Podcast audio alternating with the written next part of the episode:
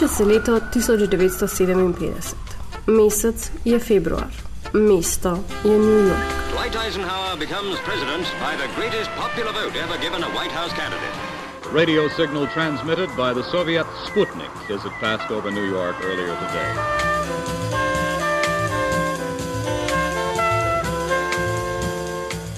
John Cassavetes, mlad, strasten, ambiciozen igralec, se odloči posneti film, ki bo drugačen. Drugačen od vseh, ki jih je videl, be the day. predvsem pa drugačen od teh, v katerih je imel priložnost igrati. John Cassavetes is terrific as a man who's always in trouble. Hollywood. Ta večna tovarna sanj je bil za časom. Koga brigajo zahojeni kavboji in neumne kostumske drame, ko pa se tukaj zunaj, na ulicah, med ljudmi, dogaja nekaj novega, nekaj vznemirljivega.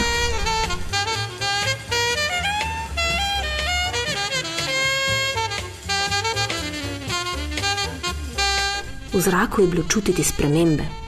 John, ki se veste, si dihal ta zrak, videl je stvari, ki so ga begale, a hkrati polnile s pričakovanjem. Vedel je, nekaj se dogaja, svet se spreminja, čas je za nove igralce in čas je za nove vrste film.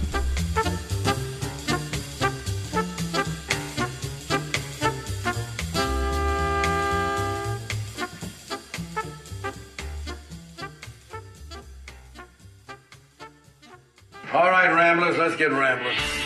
Štiri ženske, en mikrofon, preveč filmov, preveč hormonov. I was wondering if I might trouble you for a cup of strong black coffee. You're so coffee. How do you take it?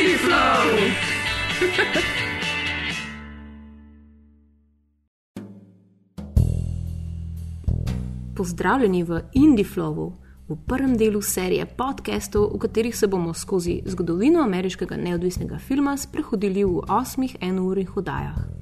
V njih se bomo ustavili na ključnih dogodkih, ki so vplivali na razvoj tega izjemno pestrega gibanja in spoznali avtorje, ki so zavedno spremenili način, na katerega gledamo filme. V prvem delu se bomo posvetili filmu, ki je že ob nastanku leta 57 obveljal za drugačnega. Za mnoge je bil čist negledljiv, preveč zmeden, preveč čuden. Toda v nekaj letih in z nekaj majhnimi spremembami se je ustoličil na prestolu kot eden najpomembnejših menikov v zgodovini ameriškega neodvisnega filma. To je film Johna Cassavetesa z naslovom Shadows, a.k.a. Sence. Shadows, directed by John Cassavetes, breaks all the barriers of conventional filmmaking. Actually filmed in New York City, Shadows now returns to be hailed by American critics. Če hočemo razumeti, zakaj so bile sence za tisti čas tako vplivne, moramo najprej razumeti človeka, ki je bil vse življenje preko to senci vajen stati pod žarometi. Kdo je torej bil John Cassavetes?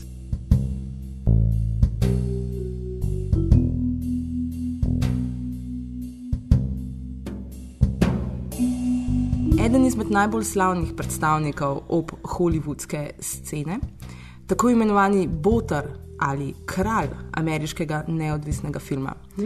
Rodil se je decembra nesrečnega leta 1929, ampak ni odraščal v New Yorku, odraščal je v Grčiji, odkudar so bili tudi njegovi starši. In se kasneje vrnili v Ameriko, v New York, ko je bil star sedem let in ni govoril niti ene oh, same angliške besede. Bam, kuj traumatiziran. for Ja, tako je treba drama delati. Ko je Kasavetes bil izključen iz fakultete v New Jerseyju, se odloči, da bo štopal do Kalifornije. Ja, valjda. Tam na poti sreča neke prijatelje, ki ga prepričajo, da se upiše na Akademijo dramske umetnosti z razlogom, ker je tam pač upisanih veliko punc. Dobro, Sim zločit, ja. ja. Ženske so za Kazavitesa motivacija še naprej. Uh, Kaj ti, kot je sam rekel, se je z igro rad ukvarjal, ker je igra privlačila veliko simpatičnih punc. In rad je igral predvsem vloge uh, korenjakov, fantov, ki se radi pretepajo in so člani newyorških tolp. Kasavitesovo osvajanje punc ni trajalo dolgo, ker ti se je leta 1954 poročil z Gino Rollins, s katero sta potem tudi naprej sodelovala. Kasavetas potem začne igrati v mnogih filmih, v B-produkcijah, na televizijskih serijah in v filmih, kjer večinoma igra jeznega najstnika v načinu Brenda in Jamesa Dina. Igra tudi v TV drami Crime in the Streets in dobi tudi svojo prvo glavno moško vlogo. Leta 57 v filmu Edge of the City. Like in my life, Charlie ain't that much. Well, that's the difference between us, T. Because in my life, it's all Charlie. Look, T, I'm in trouble. I can go to jail for 20 years. Edge of the City looks at real life and looks at it without batting an eye. Leta 1956 pa začne učiti igro in ustvari svojo tehniko igranja, ki se imenuje muscle memory, torej uh, spomin mišic. Mm, mišični spomin. Mišični spomin. Uh, ki je takrat bila neka alternativa takrat pre, prevladojoči metodi igranja, ki je bila popularna med znanimi hollywoodskimi igralci.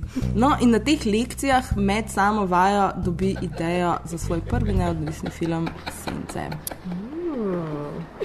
Guys. You never break a pattern, you never go anywhere with your life. Tom, there. Pick up. How many do I take? Take just this one. Well, why don't you do something? Learn something. There are thousands of things to do in New York City. Like what? Why don't you do something different? You want to meet new people? You want to come to a literary party I'm having tonight? Don't invite them, David. They won't even wear ties. Leah's coming. What the hell is a literary party? Or just where people interested in books and other literary efforts get together and discuss things.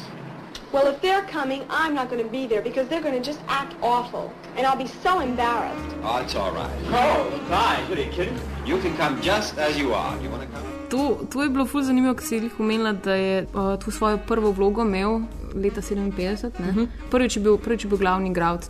Edge of the City. Edge of the City ja. Ja. To je bil pač nek tak, kao veljal za ta nek navaden, pač spet ta hollywoodski ne, mainstream. Ja, mainstream, brezvezen mm -hmm. film, tudi kaj so vedeli, so se takšno zdel. Ne. In potem, ki je šel um, v bistvu promovirati ta film v eno najbolj kul cool oddaj možnih, kar jih je bilo sploh um, mogoče pač iti promovirati svoje filme. In sicer to je bil Night People um, radijska oddaja v New Yorku. Um, s tem vodilom ste se pač malo zabavali in potem je tako rekel, ne vem, kako je pač beseda napeljala na to, da um, kaj pa če bi se veste režiral in je rekel, da se veste, ja, pa če si tako, jaz mislim, da bi stokrat bolj režiral, kot pa ta režiser, ki je bil zdaj klena in tako tipično. In potem je pač to se nekako neko tako na pol šalo um, izpeljal, v kateri je pač, ko se veste, rekel um, poslušalcem, ja, dajte mi donirati denar, pa vam dokažem. Ne? In noben ni pričakoval, da se bo potem uh, v bistvu dveh dneh nakapljalo dejansko 2000 dolarjev. Um, in potem, ko se veste, ni mogel drugega kot pač. Uh... Prvi Kickstarter. Ja, jih tu so hoteli reči. Ne Ja, samo, da je res je. zagnal neodvisni ameriški film, tudi prvi Kickstarter. Wow, Exactly. Dude res podjetje. Da, kaj se veste. Ja, in potem je mogel pač posneto, ne? Ja. Kot pač moraš, če, če Drugač se bi mogel vračati, ne tako kot Kickstarter. Exactly, exactly. When I was in New York about, uh, oh, 55 or 56, uh, knocking around off Broadway, uh, you heard of this guy, Cassavetes, uh, in two ways. You knew that he had some kind of a workshop and that actors used to go up there and, uh, and he was working with actors and they would do scenes. And then you heard that he was out in the street with a camera and he was making a picture. Iz ene izmed teh vaj v svojem igralskem v bistvu ansamblu na pač tej šoli uh, se je enkrat pač dogajala ta, ta neka vaja in tako neka improvizacija, v kateri je bila pač zgodba o tem, kako ena mlada afroameričanka hodi z nekim delom, pač belcem in uh, seveda to so bila zdaj pač eh, konc uh, 50-ih ne, um, in prideta domov in uh, ta pač mladenič ugotovi, da um, ona v bistvu je črnka, ne, zaradi tega, ker je pač uh, njen, njenega brata sreča, ki pa bil pač bolj temen kot ona, ne, ona je bila tako light. Ona je bila skin. level 1 črnca, on je bil pa level 2. In v bistvu ugotovi, da, ja, da ni bil. Ja, in, in, ga, da- in ga to, potem to zelo šokira. ne. Um, in potem ko se zavete, ko zavete, se je to ful zapomnil in zdaj je tudi pač te igralce iste, kar pobral in rekel, da bomo pa naredili zdaj film. Ne. In, in so ga šli delati, tako ker je zelo veliko v bistvu mladih režiserjev, zdaj tudi dela film, tako pejmo ga narediti. To je to. in so um, še malo cache odbrali. On je imel pač tudi dober prijatelj z veliko ljudmi v Hollywoodu, vse, pač, ker se je nekako bil del tega sistema. Tudi Heda Hopper, ena najbolj popularnih, oziroma ena teh pač filmska kritičarka, um, je donirala za ta film. Tako so ga kar podprli, in on je šel, sposodil si je kamero, 16, um, in so šli na ulico. On in, in njegov direktor fotografije, ki je bil um, nek nemški gospod. gospod Natürlich die Deutsche. Ja, pač nemška tehnologija. Ja, ja. ne. Ona dva sta bila edina profesionalca, ostali so bili pač vsi Ja, vsi zdaj- na turški. na turški. In potem so se podali pač snemati uh, film, za katerega pač je obstajal v resnici samo ta prizor, ki ga zdaj pač poznamo, se pravi pač, um, ta premisa, da pač ta mlada um, punca pripelje domov um, fanta. In tam se sreča pač z bratom, ki je temnopolt.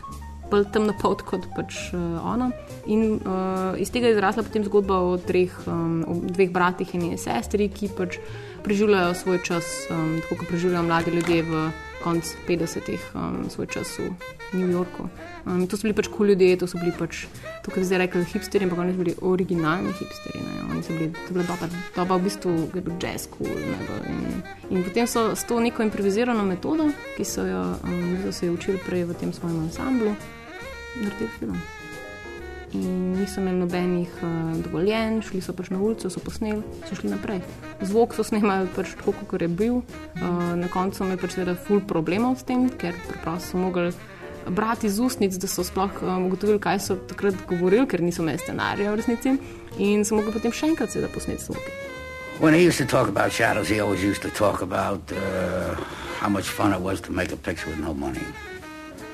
Uh, he always used to talk about uh, how much he enjoyed the chaos of it. He always used to like to talk about uh, his his dream would be to have everybody in the film do everything. Here, you take the camera. Now you shoot this scene. I'm going to go act, and then we'll give it to Seymour, and he'll shoot this scene. And come on, we'll all get together and we'll write a scene together. But he wanted it to be a group effort. He wanted everybody to be involved. Ker se je potem zgodilo, je bilo to, da so bile štiri projekcije, na katerih pa ni bilo več nobenih, kot nekje okrog 100 ljudi. In potem so, potem, potem so ljudje tudi dosta odhajati začeli ven, ne. niso bili navajeni tega um, stila novega. Pač to, ta film je pač res za njih bil dosti šokanten. Ne. Um, Nima neke točne linearne zgodbe, ne. pač, uh, stvari so se nekje končale, pa spet nekje druge začele. In, Mm. Pač zato tudi sama estetika je bila čist druga. Ne? Mislim, estetika je bila, pač zdaj on je imel to 16 mm kamero, ker v bistvu um, ni dovoljevala pač nekih teh širokih planov, nisi točno vedel, v katerem prostoru se nahajaš, vse je bilo tako bolj blizu, ne, pač obrazi so bili res veliki, pa mogoče tudi, uh, tudi kadri, zaradi tega, ker je bilo pač vse gverila, stajal narejen, so bili kadri tudi čisto zimprovizirani in včasih so bili pač malo grdi in nisi točno videl, kaj se dogaja preveč kakšne stvari so bile preveč presvetljene, ni, ni se točno razločila, kaj se v bistvu sploh dogaja v določenih Mm. momentih. Mislim, sploh tudi najbolj ljudje niso bili teh filmov navajeni, zato ker ne v tem času, recimo, pojavila se je televizija na eni strani, na, na drugi strani pa pol pač hollywoodski odgovor na televizijo je bil ta, da so začeli delati ful več filmov v barvah, recimo razvil se je Technicolor, um, začeli so delati te cinemaskope, ful široke. Um, široka platna, um, delali so epske filme in že pač iz te mentalitete pol prijeti na en tak film je pač čist nekaj, po moje, Mm. radikalnega. Pa mislim, da bi mogel vsem povedati, da pač tak način snemanja ne, prej ni bil mogoč. Mm. Ker v bistvu se je pač tehnologija razvila na ta način, da so lahko šli ven snemati na ulice.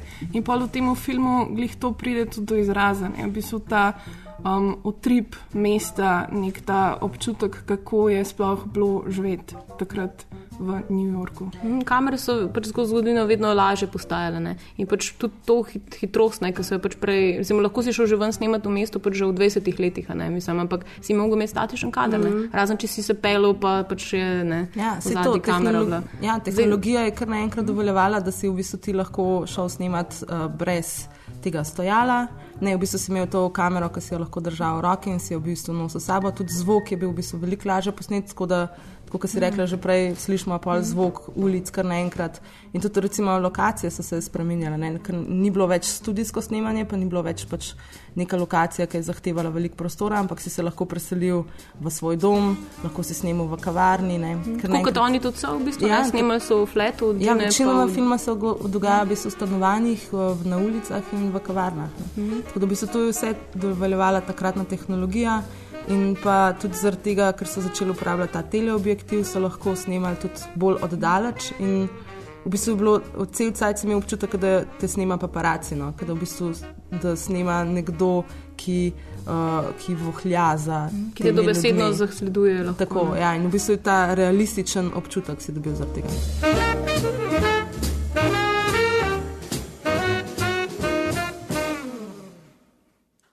Half of the battle to, to make a, a good film in the United States, a free film, when I say good film, it's a free film. Whether it's good or bad, we don't know. But we'll put a year in for no money, for no anything, simply because there's a, an expression that has to be said. Now, we don't have any reverence for this expression. We don't believe it's a church. We have to have a good time, otherwise we die.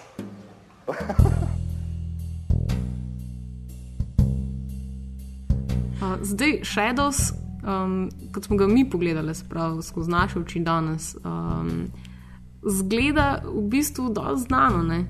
ker je bil pač v resnici neke sorte template za, za neodvisne filme, pač za filmere, kako pač delati film. Ne? Um, ker naenkrat je postalo pač tako, oh, wow, vse, mi pa lahko naredimo film, vsak lahko naredi film. Tako Kako ste, kako ste ga v bistvu vi gledali? Na računalniku, kar je ful neodvisno. Ja. Ful v duhu tega, kako ga je kasavete snimal. Ne, se ne. No.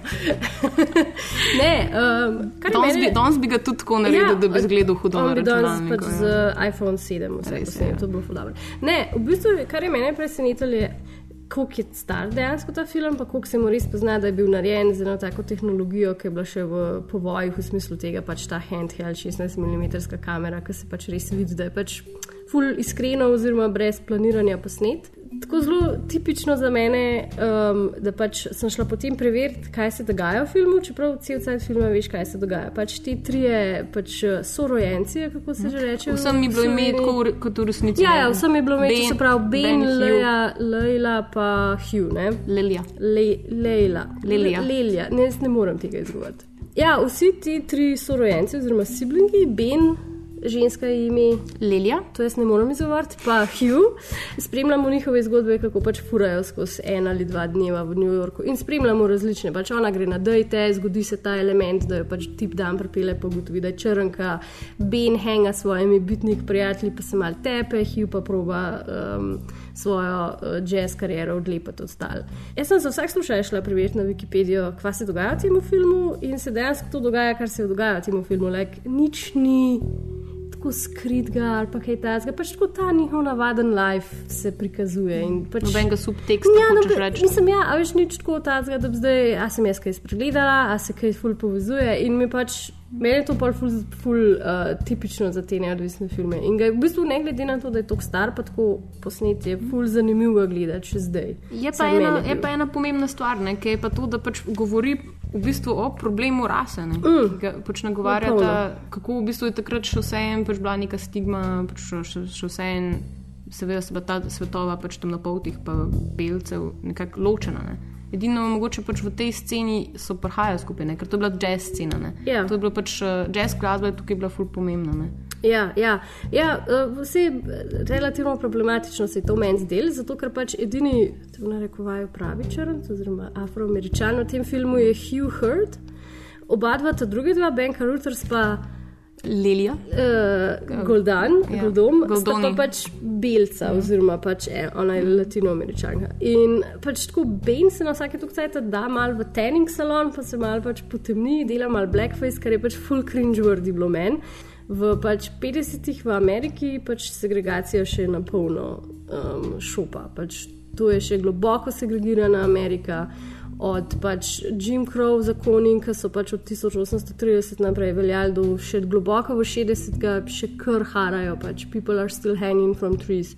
In da je on v bistvu to tukaj noter tematiziral, se mi zdi, da je bilo kar precej drzno. Pa najbrž ljudje niso takrat imeli najbolj pozitivnih reakcij, zato ker pač te stvari so bile zakonom prepovedane in pač črnce, ki so jih ujeli v pač, um, interracial relationship, they, prob, they, they died, so bili linčani in tako naprej. Tako da je bilo kar tukaj bols od Kasavete, se najbolj, da je to naredil. I, I think it is important for people to know that that picture must have been made, I don't know when, 55 or 56, something like that. And that had to be at least 10 years before Martin Luther King.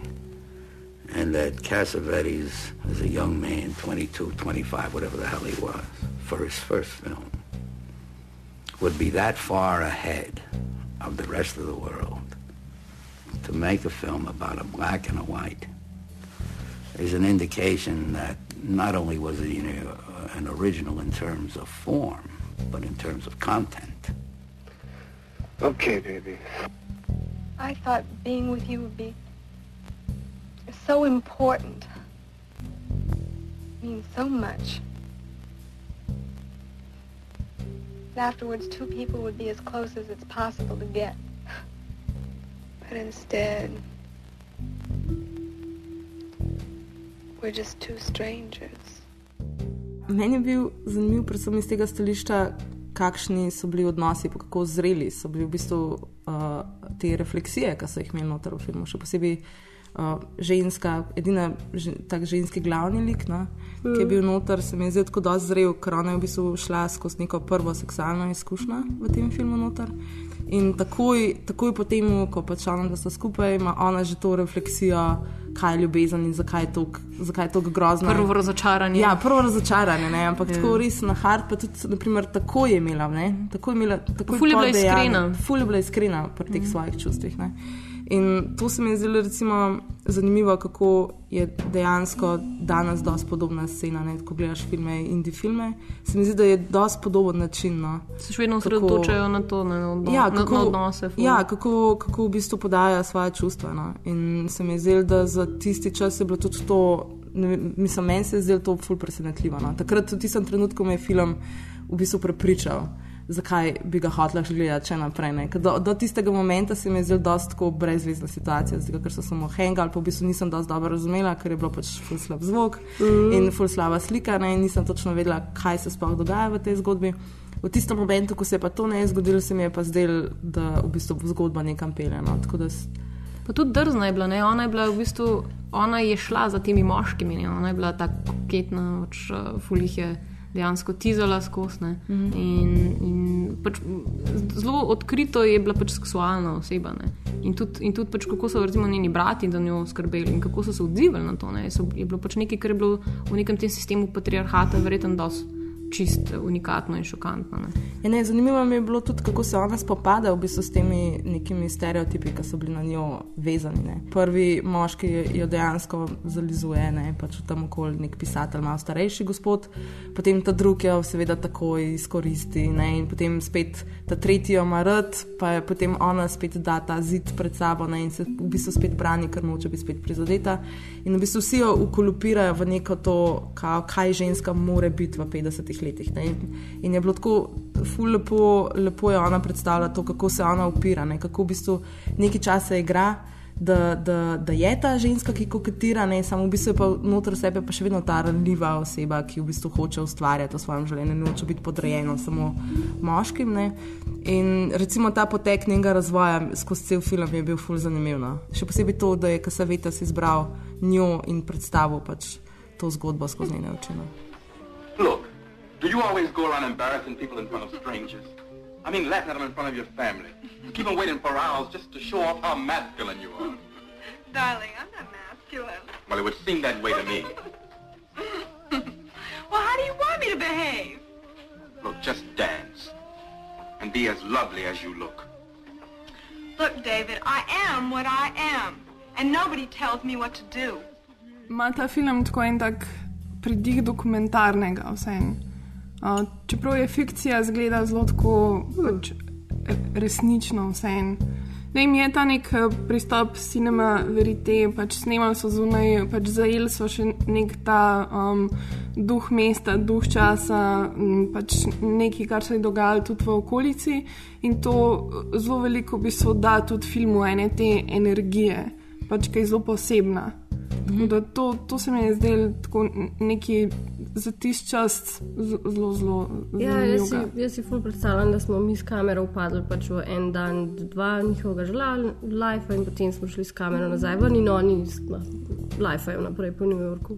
Zdaj, ta, ta improvizacija igralcev, mm. ko v bistvu, kot si rekla, ni bilo napisanega scenarija, meni je bilo zelo prepričljiva njihova igra, zato ker so se konstantno prekinjali. ne. Ker v bistvu ni bilo tega, da zdaj jaz povem dialog, pa ti poveš dialog, zdaj jaz povem, ampak je bilo konstantno en čez drugega, so govorili, ne, kar je full da, dal ta feeling pristnosti. To je to, kar bo kasneje v bistvu Altman pol ful um, naredil za en svoj zaščitni znak. Ne? Pač to je tako, kot ljudje v real life govorijo, prekinjeno se ne. Tukaj se mi tukaj trudimo, da ne delamo. Ja, Ker drugače noben ne more ničesar razumeti. Exactly.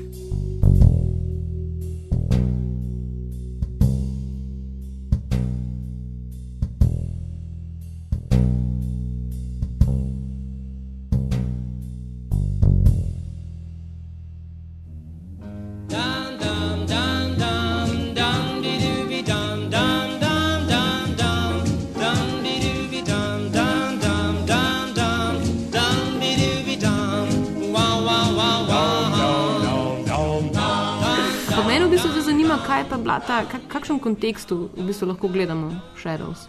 Um, v 50-ih, ko sem jaz se pripravljala na ta podcast, sta, ste, sta se mi izkristalizirali dve Ameriki, kot se meni velikrat uh, ta neka dualnost naredi. Zato, ker pač okay, v 50-ih je Amerika glih prihajala v neki ekonomski boom po drugi svetovni vojni. Baby boomersi so začeli uni- uničevati uh, družbo in uh, da nam bojo zapustili dan sranje, so začeli takrat. Bila pa je družba pač fulj konzervativna, valjda, ker so bile pač gospodinje, ljudje so bili dosti tradicionalni in tako naprej. Uh, in pač hladna vojna uh, je, je bila pač full on throttle hladna vojna, imeli so pač pol McCarthyizem, se jim je spukali in so imeli te Hollywood blackliste, ker so pač mogli ljudje priti v kongres zagovarjati, da so komunisti, a niso komunisti. Attention.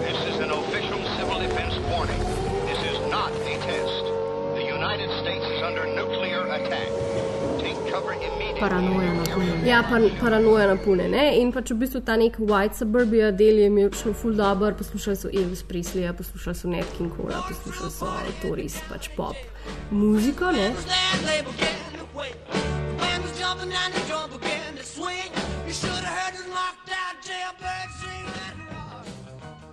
Medtem ko na drugi strani, kot sem rekla, je pač segregacija še na polno harala. Southern trees.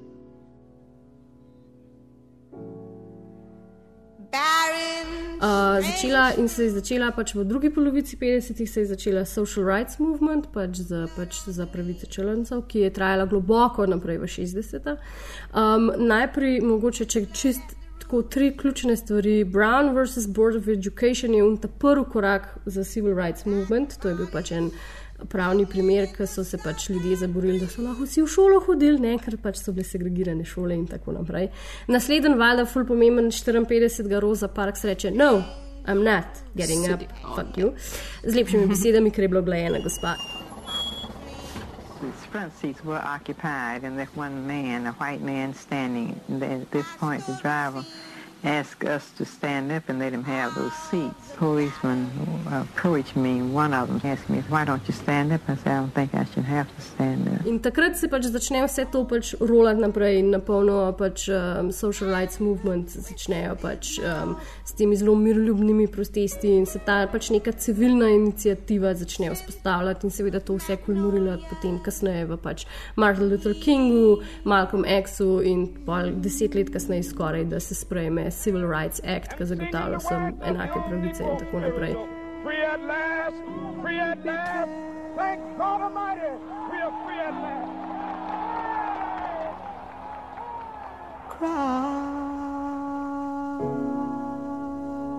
Tudi zanimivo, recimo, ko si ti govorila o ženskem liku, mi je to ful spomnilo na to, da se v bistvu pol v 60-ih začne pač drugi val feminizma, kar naredi privatno, politično oziroma javno, zato ker se pač začnejo eh, z žensko ukvarjati s tem, da me bi ni fajn biti sam gospodinja, pa mati, ampak pač bi bilo tudi kaj drugega. Pit Martin je ja, res pomirjeval. Tako je, tako je. In je zelo pač taka, se mi zdi, full dualna družba. Ta. Na eni strani ta neka pač mi se imamo fajn in živimo v svojih white picket fencih, ne? po drugi strani pa pač pol tudi pojavom jazza in rock and rolla začnejo pač belci tudi full um, črpati iz te kulture ven, kar je pač še posebej fakt up, zato ker recimo vsi ti jazz ustvarjalci od Ella Fitzgerald do Nina Simone do pač Louis Armstronga, tako po nekaterih delih Amerike niso smeli nastopati, ker jih niso spustili noter v koncertne dvorane, mogli so stanovati v drugem hotelu, kot vsi ostali. Eš, tako pač bili so mega zvezde. Belci so jih radi poslušali, ampak pač niso pa smeli iti na veci v isti pač prostor, kot belci. So pit pijače. Pa pit pijače v istih barih in tako naprej. In so živeli v eni taki full razdeljeni družbi, ki je pač pol v 60-ih letih naredila, kar je naredila za peace, love in sex for all. Zdaj vemo dobro, kaj se tako dogaja no, v družbi, ampak um, zdaj, kaj pa, kaj pa film v bistvu? Ker uh, že prej smo povedali, da pač v 50-ih je Hollywood um, nekako bil na koncu nekih svojih moči, pač uh, rabuje eno neki, neko poživitev, ne, da se bo spet. Mislim, da je bil pač preprost se je znašel v slepi ulici, ni bil v koraku s časom. Pač zelo je kompleksna ne, slika, ki je tudi zelo povezana z vsem, kar je Maja zdaj govorila, s tem pojavom konformizma, pa tudi prihodom televizije. Ne. In pa recimo, mislim, po vojni je bil zelo dober čas za, za ameriški film, um, zelo veliko ljudi je hodilo v kino, potem se je pa pojavila televizija, pa ne vem, spremenila se je tudi demografska slika, pa ne vem, ljudje so se pač iz mest tudi preseljevali v predmestja in potem se jim recimo ni dal več hoditi v kino, v mesto, ker so bili pač, ne vem, se jim ni dalo se isto avto in peljati pač do kina. Tako, In so, in so zato pač raje ostali doma. Um, ne vem, tudi recimo, pač televizija je bila vse še črno-bela, tako da so se pol pač v Hollywoodu razvili te veliki epski filmi, zelo veliko je bilo muzicalov, pač um, cinerama itd. Po drugi strani je pa to pol, mislim, ker so pač Hollywood je prevzel te megalomanske tukaj produkcije, po drugi strani se je pa pojgli zaradi tega um, odprla tudi možnost za več art kinematografov um, pač, ki so se v bistvu bolj osredotočili na um, neke bolj sp- specializirane publike, tako da so kazali ne vem, za pač bolj izobražene ljudi, recimo evropske filme, tako da je bilo takrat zelo veliko evropskih filmov. V Ameriki se je dal gledati. Um, ne vem, mislim pa pač ta neodvisna mreža um, kinematografov se je razvila in v bistvu to, da je bilo zelo veliko uh, evropskih filmov lahko videti v Ameriki, seveda pa tudi pač posledično vplivalo na to, kakšne filme so pol delali. Ne. Potem, ko je ta klasični Hollywood zamrl, se je razvil novi Hollywood, ki je tudi zelo veliko črpal, kot smo že rekli, iz evropskega filma. Um, predvsem iz francos francoskega novega vala in evropskega mladega filma. Um, je pa tudi v bistvu pač vpliv, ne, ker francoski novi val je bil zelo, je zelo močno odve- odmeval ne, povsod.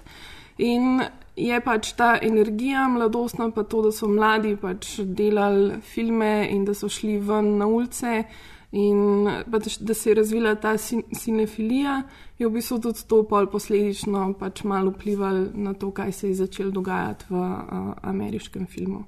Ja, ker je v bistvu ena zelo zanimiva in ironična stvar, ne, je, je to, da potem um, so sence, ne, sprav Shadows, so, um, so dobile nagrado na festivalu v, v Benetkah. V Benetkah. Ker je potem pomenilo to, seveda, da evo, Evropejci so pripoznali zdaj ne, to neko novo stvar iz Amerike, ki so v bistvu poznali tudi zaradi tega, ker je seveda francoski novi val bil nekaj zelo podobnega. Ne. In um, s tem, ker je dobil pač nagrado v Evropi, ga je evropski distributer potem nazaj v Ameriko z vsem tem hajpom, seveda, ki je potem nastal, prodajal kot pač ta art film iz Amerike mm. z, v um, evropski, v bistvu evropski film. Evropsko-ameriški. Evropsko-ameriški film. Ja, Jaz se, če si jaz predstavljam, mm. kakšne francoze, ki so videli ta film, oni so bili zjih to, yes, yes, we've seen this before, it's fine, fantastic. Pač, ker pač se zdi, da za neke evropske oči v takratnem času je bil ta film tako, ja, ja. In je pa zanimivo, ker v bistvu glih ta čas, ne, začetek 60-ih, so tudi glih filmski festivali začenjali dobivati težo, ne, kar je tudi pol ful pomembno za sam razvoj pač neodvisnega filma. Pa to, pač, kako je pol mogoče tudi zaradi festivalov, pa nagrad, ki jih je dobil na festivalih, prišel v sam mainstream. Kot bomo videli tudi v nadaljevanju naših podcastov.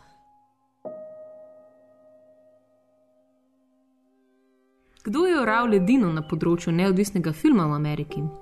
Kdo so bili pradetki in prababice in pionirji in pionirke? Pravilno. Avantgardisti in avantgardistke, ki so usporedno s Hollywoodom razvijali alternativo mainstreama, skrbeli za to, da se na filmskem traku zapisuje tudi manj videna zgodovina in pa zgodbe tistih, ki jih v javnosti v bistvu sploh niso obstajali.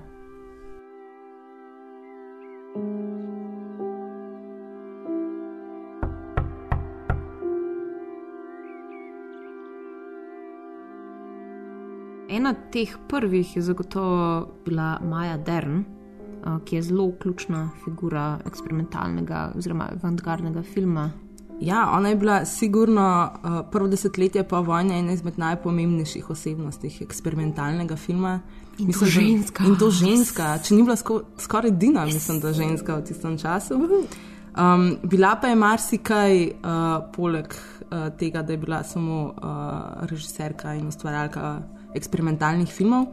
Bila je tudi plesalka, pesnica, pisateljica, uh, filmska teoretičarka. To me zdaj fulušič, da uh, ni začela, bila pa je še marsikaj druga, poleg predana mati in žena svojemu možu. ne, sicer se je poročila že tako prvič, prav v svojih 18 letih. Uh, zelo neuspešno, seveda se je dosti hitro odločila. Ima pa zelo zanimivo um, življenje. Uh, rodila se namreč ni v Ameriki ampak uh, v Kijevu, v Ukrajini, leta 1917, uh, zelo bogati židovski družini. Njen oče je bil psihoterapeut, kar je verjetno prispevalo k njenim.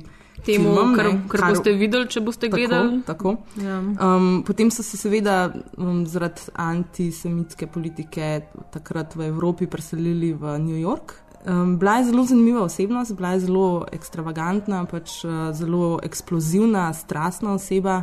Um, veliko ljudi jo je poznalo že samo po tem, ker se je oblačila, recimo, v zanimive obleke, bila je bolj evropejsko oblečena. Kar pomeni, da je bila najbrž v črno oblečena. Ne, ni bila črna, ne, imela je v bistvu neka taka folklorna oblačila, oh, wow. značilna pač za Rusijo. Wow. In uh, bila je zelo zanimivega videza, ni bila čista taka tipična američanka, ampak je bila v bistvu. Um, zelo lepa, zelo, bila je za zelo lepo žensko. Ne? Bila je zelo lepa, ampak mm. imela tako neko eksotiko mm, na sebi. No? Mm. Je pa tudi ena zanimiva stvar, da Maja Deren se ni vedno pisala Maja Deren. Preimenovali so se v Deren, takrat, ko so prišli v New York, ker so hoteli pač skriti svoje židovske korenine. Ime Maja pa je izbrala zaradi tega, ker je to v bistvu pomenilo v indijskem jeziku iluzija. I was a poet before I was a filmmaker, and I was a very poor poet because I thought in terms of images. What existed as a, essentially a visual experience in my mind, poetry was an effort to put it into verbal terms. When I got a camera in my hand, it was like coming home. It was like doing what I always wanted to do without the need to translate it into a verbal form. Potem, ko spozna uh, svojega moža, Aleksandra Hamida, ki je v bistvu tudi uh, češko-slovaški uh, režiser dokumentarnih filmov, uh, Uh, skupaj naredita ta prvi film, torej Meshes uh, of the Afternoon, mreže popoldneva. Um, v glavnem v filmu igra Maja Deren sama, kar je tudi začinilo za njene naslednje filme, kjer se v bistvu skozi cel film srečuje z neko temno postavo, ki ima na mesto obraza ogledalo. Uh, in ona v bistvu prehaja iz ene sobe v drugo sobo in dobiva pač različne osebnosti, ki v bistvu predstavljajo neke arhetipe ženske. Mislim, da moji filmi putting as much stress as they do upon the constant metamorphosis. One image is always becoming another. That is, it is what is happening that is important in my films, not what is at any moment. This is a woman's time sense, and I think it happens more in my films than in almost anyone else's. Lahko na YouTubu pogledate, ja. Ite, to je treba povedati, ker pač tega pogledate. Ja, na YouTubu je zapiskih. Zdaj, je zdaj v bistvu uh, pospremljen, drugače bi to nem film, ampak zdaj ima glasbo zraven, ja. ker je v bistvu se ona pol tretjič poročila in ta tretji mož je naredil uh, leta 53 glasbo za ta film. That's ampak je, je Maja Deren approved, tako da je, cool, je solid.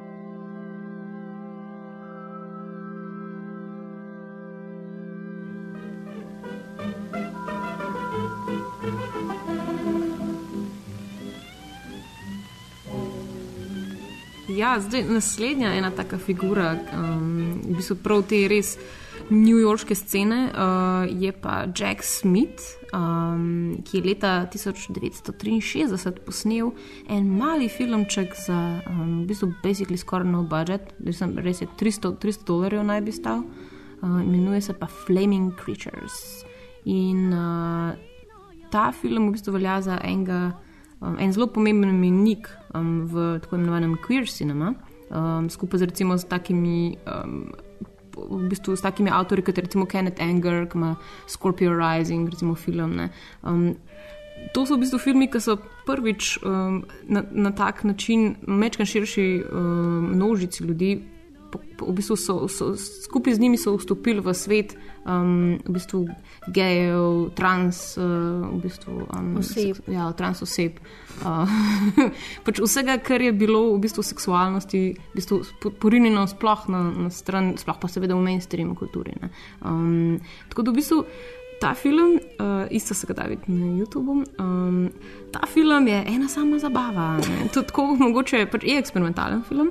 Um, posnel so ga pač v fletu, spet ne od nekoga, kjer so pač samo pač basically poklicali vse frende iz te scene in so rekli, eh, da bomo se v toge oblekli, rjuhe v resnici, no, in pač um, se bomo imeli film. In, um, in pač potem se dogaja več stvari. ne. Imamo, imamo pač neko, neko to uh, poskus po, s- snemanja ene um, reklame, um, kjer se neka ta zelo, krasna rdeča šminka pač uporablja. Um, potem so uh, take rimske bakanalije, uh, pa potem se posnema. Pač, uh, posnemajo like iz, um, iz hollywoodskih filmov, pač iz muziklov, iz hororja. Tako da pač to je nekaj, kar potem uh, postane prek uh, Susan Sontag v bistvu znano kot um, camp um, estetika. ki Je pač, um, na nek način naj, najlažje bi to v bistvu opredelili s tem, da, da, da je, da je nekako tanginčik. Uh, zavedanje, v bistvu se, se malo zabavajo do, pač do teh klišejev, recimo, do vseh teh stvari, ki um, ki veljajo za bodi si za ženske ideale, bodi si za ideal moškosti in ga pa nekako subvertirajo potem, da, da v bistvu um, na nek zabaven način v bistvu njim, v bistvu, um, njim služi. In se, in se na ta način tudi potem performance v bistvu razvija. Ne, sploh, um, v bistvu, kako je v bistvu spol performativ, v bistvu, Mm. mm. tukaj ven vidimo. No. Uh, tako da ja, pač film si tako pač, pok, pro- pokazali so ga itak pač v zelo malo kinematografih. Um, in ja. Tudi, tudi potem je pač še vedno veljal za nek tak kult, veš, ki je bilo težko gledati, ne. ni bil sem dostopen, ne. pač ni bilo tako, da. Ne, dokler Si ga lahko posodil na. DVD-ju? Ja, zelo težko je. Pač, Mogoče si vedeti za ta mm. film, da si, pač, um, da si ga lahko videl. Ne. Omenjamo mi v tem podkastu New York, pa kako je bil pomemben. Pa mogoče bi to izpostavila, da pač takrat, v tem času, v 50-ih, 60-ih, je New York postal The Art prestolnica sveta, ker to, ta mental je prevzel prej od Pariza. Zato, ker se je zdaj američanom prvič zgodilo, da so imeli uno neko svojo, prav sam svojo umetniško zvrst, ki se je nekako reče abstract expressionism. In je to bila č- tako bila njihova stvar, in ljudje so v bistvu tam se je art dogajal, ki je bil relevanten za svet. tako jaz- Nekako imamo tako, veš, pač ne vem, ok, Rusi so imeli ta nek naturalizem, pa realizem, francozi so imeli to, američani imajo zdaj končno nekaj svojega.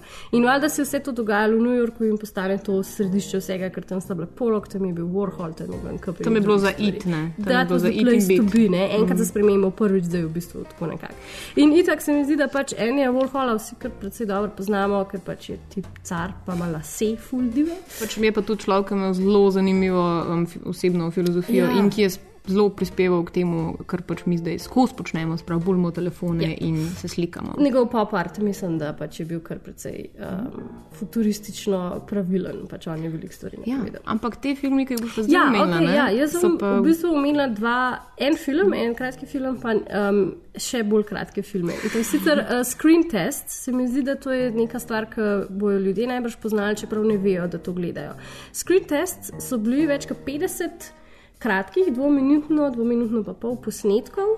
Uh, profilov upfront v zelo močni luči, uh, zelo hiter posnet, pa potem na počasni hitrosti predvajani portreti ljudi, folka, prijateljev, umetnikov, ki so zahajali v NDO Factory. In on jih je povabil, jaz se spomnim, da ko sem gledala um, tole, kva je že, zdaj se nam spomnila, una nadaljevanka, ki je bila zdaj vinyl. Je pač točno ta scena bila noter v vinyl nadaljevanki. Aha, Pač če si ti bil Olivia nekdo- Val, Olivia mm -hmm. Valdka, pride k njemu hangati in je en reče, oh, like, come here, I'll take a film of you. In jo pač sam, sam snimajo, ona sam tam stoji. In to je on pač posnel in predvajal med leti 63 in 68 in je pač ful velik, mislim, ful velik je tega posnel in tudi ful velik znanga ljudi, znanih ljudi, recimo Salvadora Dalija, Bob Dylana, Ginsberga, Dennis Hopperja, Joko Ono, Lou Reeda, Susan Zontag, pač vse une, the place, the, the people, ki so tam bili in z njim hangali. In tudi več teh posnetkov je dostopnih na YouTubu brez problema. Pa najbolj hudo je bilo to, ne, da on jih je samo pač postavil, mislim, tako pač res jih je samo tja Samo pripeljal, postavil ne. jih je, there was In no je rekel, questions, Andy bo zdaj posnel navodila." film. Tako. Andy, to, ampak to je bilo najboljše, nekaj, v bistvu je bilo tako, to bo zdaj Andy posnel, tako. to je zdaj Andy režiser. Ampak poanta je bila samo tem, on je sam stran šel, postavil Tako. kamero, rekel, ti zdaj kleset, šel stran in, In to potem, kaj se bo zdaj zgodilo. Ja, To je ja, njega ja, zanimalo. ja. In, To, to ja. je bil ta eksperiment. Ta voyeurističen pač eksperiment. Ja, ja.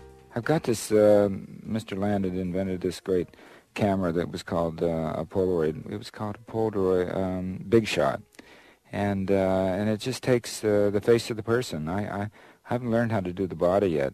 I mean, I, I I've done it before, but not not really.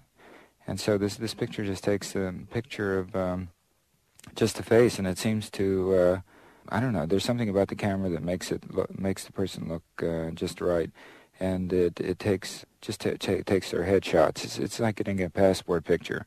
They usually always come out great. Naslednji underground film, kot mi tle piše, ker očitno je to bil, je pa film It, I guess, Jesti mm -hmm. po slovensko, tudi iz leta 63. Je pa v bistvu 40 minut, tam nekje 50 minut film, um, v katerem Robert Indian, ki je bil pač njegov painter friend, je gobo. Mm -hmm. In to je to. There's a cat, vmes pride mačka, malo posediti in to je to. Še Film je brez- vizio- vizionarski Ja, moment. ja. Ja. Film je brez zvoka, brez vsega in res prikazuje samo to, kako Robert izredno počas, skoraj eno uro, je gobo.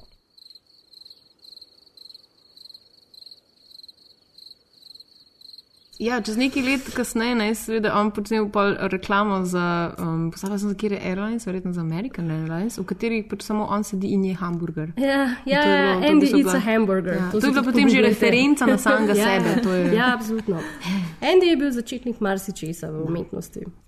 He was quite good. Uh, my name is Andy Warhol, and uh, I just finished eating uh, a hamburger. Burger, New York. Ja, pa pač bil je, bil je, jaz se spomnim enega momenta, ki ki me je ful fasciniral, ker pač nisem vedela, da je to takrat mogoče, ampak on je tudi. Um, On je v bistvu vzel uh, sabo na okrog, kaj hodil, pač bil čisto navdušen nad vsako novo tehnologijo, ki je lahko dobil, in potem je uh, kasetet, kasetofone, magnetofone v resnici še, so bili še magnetni zapisi, Mhm. je, je pač uh, vzel sabo in cel dan hodil z pržganim magnetofonom in snimal, Snimal. vse pogovore. Mhm. In potem je pač iz tega knjigo naredil. Mhm. In Tako da, ja. Predvsem to, da je bil posod zraven, pa vse posnel, pa predvsem delal Jonas Mekas. Uh, ker mislim, da njegove filme najlažje označimo kot neke take impresionistične biografske dnevnike. On je bil pač del te scene, newyorške. Poleg tega, da je bil filmar, je bil tudi filmski kritik, je bil pesnik, um, programiral je programe um, pač eksperimentalnih filmov. Um, tako da je bil nek tak katalist te scene. Si še živ, ne? Še, Mm. še Oh, vedno. wow. Še vedno dela stvari, še, Še vedno dela kar naprej stvari. snemajo. To, to, to je res. Za razliko od ostalih tukaj, ki Ja, smo jih omenili. ja, um, je pa tudi on bil tako kot Mardern, v bistvu pač priseljenc iz vzhodne Evrope, se pravi iz Litve. Je preživel, preživel svoje, pač dosko te svoje mladosti, basically v teh um, taboriščih begunskih. Um, in iz, tega, iz teh begunskih taborišč je prišel v Ameriko. Um, Fum je bilo zabavno, ker je rekel, da so najprej mislili, da bodo šli v Chicago, ker so bile neke um, pekarske službe za njih. Tako da je pa rekel, da če bi šel v Chicago, potem bi bil najbolj zelo dober pek. Ampak je imel to srečo, da je pač pol prišel eventualno v New York. In v New Yorku ga je naj, pač seveda zagrabila takoj ta kultura, umetnost in No, in tako kot je sam rekel, je pol tri leta vsak dan hodil v kino in samo absorbiral vse te stvari. Um, potem se je pa, mislim, da nekega 54. a 55.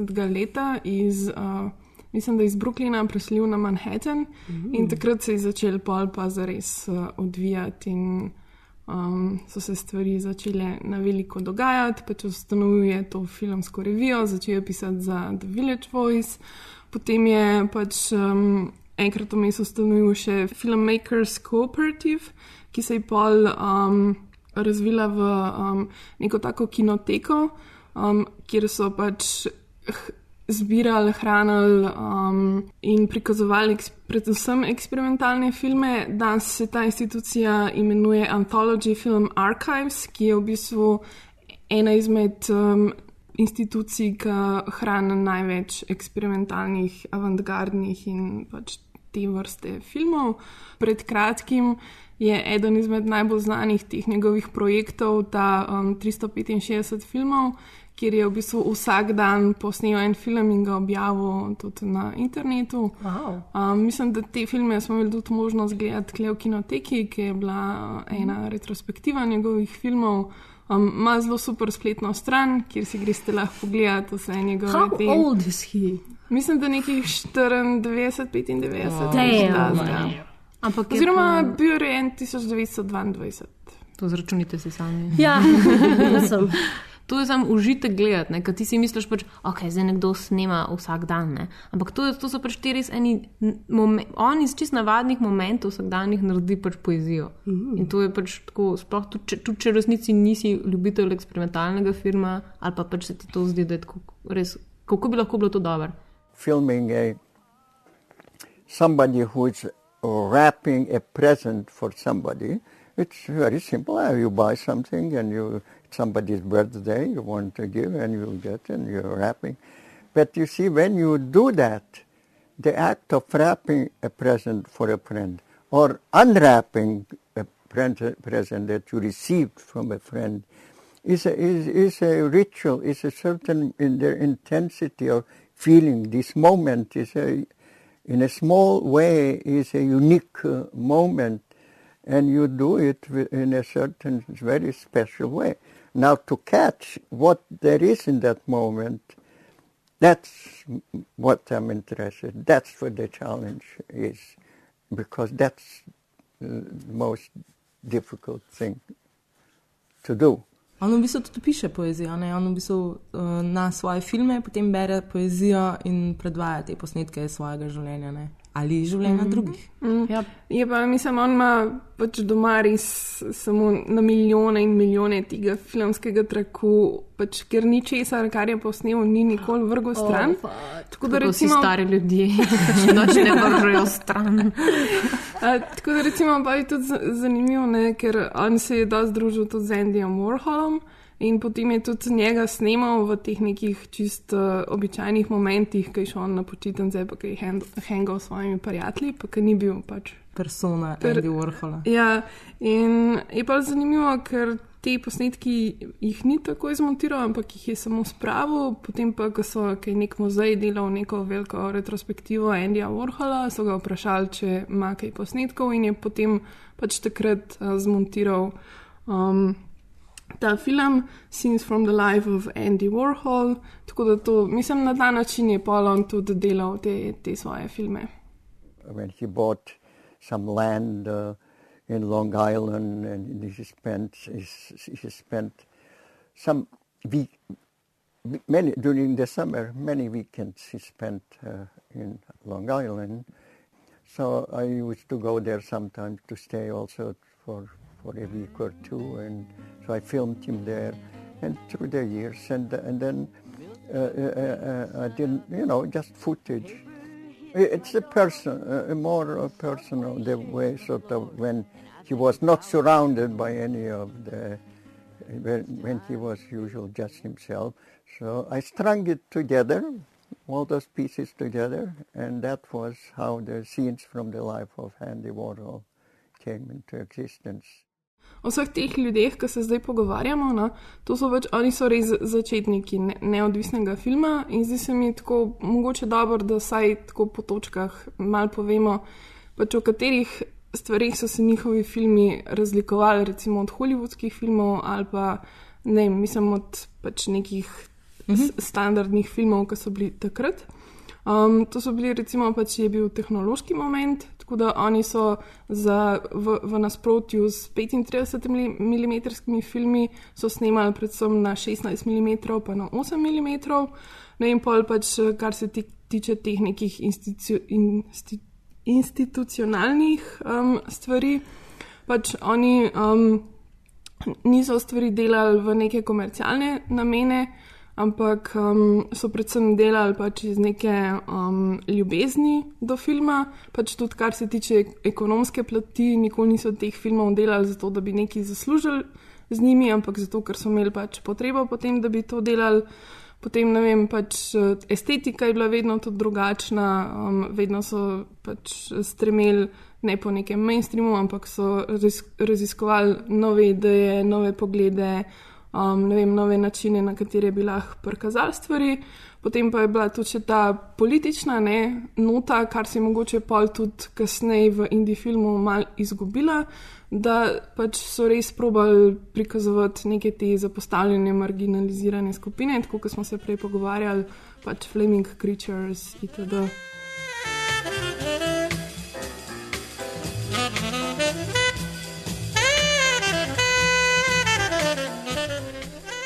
torej zaključujemo čisto prvi Indiflo. In um, če vam je bil všeč, potem naj vam povemo, kaj bo v naslednjem, ker bo pač tam še bolj hud. In sicer vas čaka v drugem uh, Indiflowu tako imenovana Čudna Amerika. In sicer jo bomo um, odkrivali z enim najbolj v bistvu, razupitim in znanim. Uh, režiserjem vseh časov, Davidom Lynchem ah, in z njegovim filmom. Ja, zdaj veš, ne. Ne, tudi prej sem že videl. Prej sem videl. Eden redkih, ki ga verjetno poznajo ja. vsi. Ne. Širše. Ja. Um, in sicer film Eraserhead, njegovim pač um, prevencem, mm -hmm. začelim. Uh, in seveda bomo omenili še tudi dosti drugih zelo zanimivih posameznikov, recimo Johna Watersa, Rodera Kormana in uh, druge ki pa v bistvu lahko ljudje spremljajo. Okay, spremljate nas lahko na naših social medijih, na Facebooku smo filmflow.com, tudi na Twitterju smo filmflow.com, na Instagramu smo filmflow podcast. Uh, še posebej si počakirajte našo spletno stran www.filmflow.com uh, slash IndieFlow, posebna podstran, kjer bo zbrani vsi podcasti, najbrž tudi kakšen članek in kakšna druga zanimiva novička v Indie filmu, pa seveda na naši uh, www.aparatus.se, kjer smo zelo radi doma. Tako da, um, tune in, next time. Stay tuned, yes. Hm?